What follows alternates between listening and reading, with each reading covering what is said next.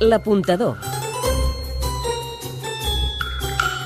Les estrenes de teatre amb Pep Vila.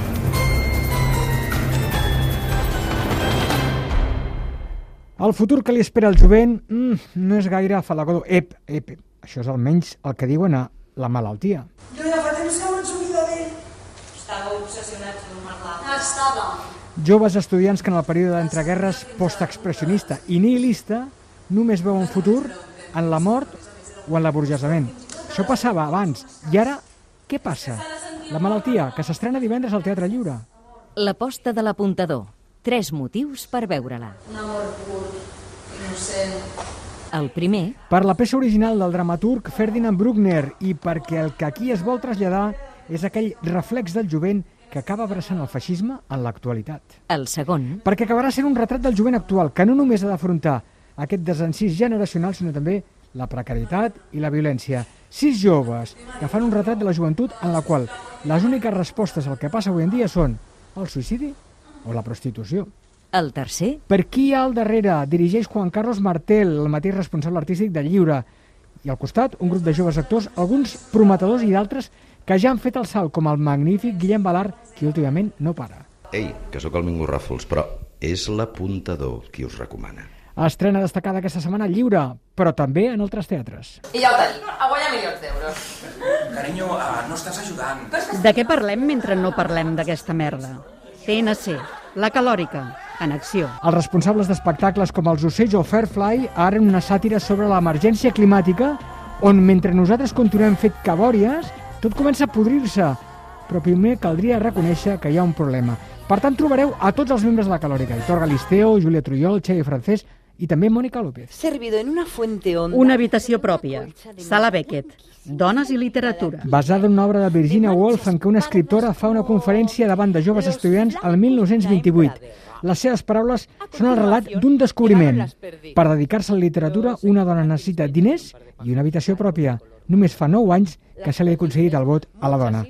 Dirigit per Maria Ruiz, interpretat a l'espectacle per Clara Sanchís. Tonta. Tantarantana.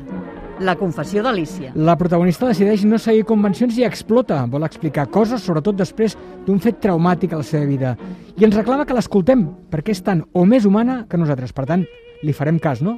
A més, interpreta Núria Florença. Però estàs content de veure'm? Magda, tenia por de no veure't mai més. Ferides. Gaudí teatre. Secrets que no cicatritzen. Poc abans de les primeres eleccions democràtiques, després del franquisme, ell segueix regentant la papereria familiar i cuidant la mare, amb una existència gris.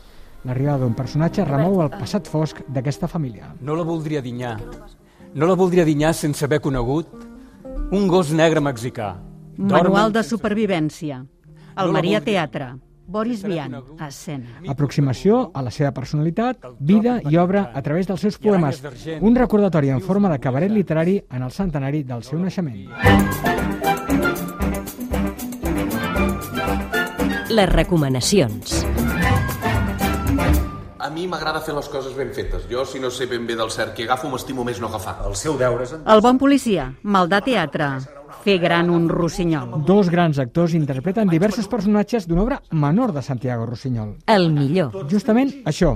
Aquest text de l'any 1905 no va ser ben tractat en la seva època i va passar gairebé desapercebut. Ells han aconseguit transformar-lo en una obra dinàmica i divertida. El pitjor.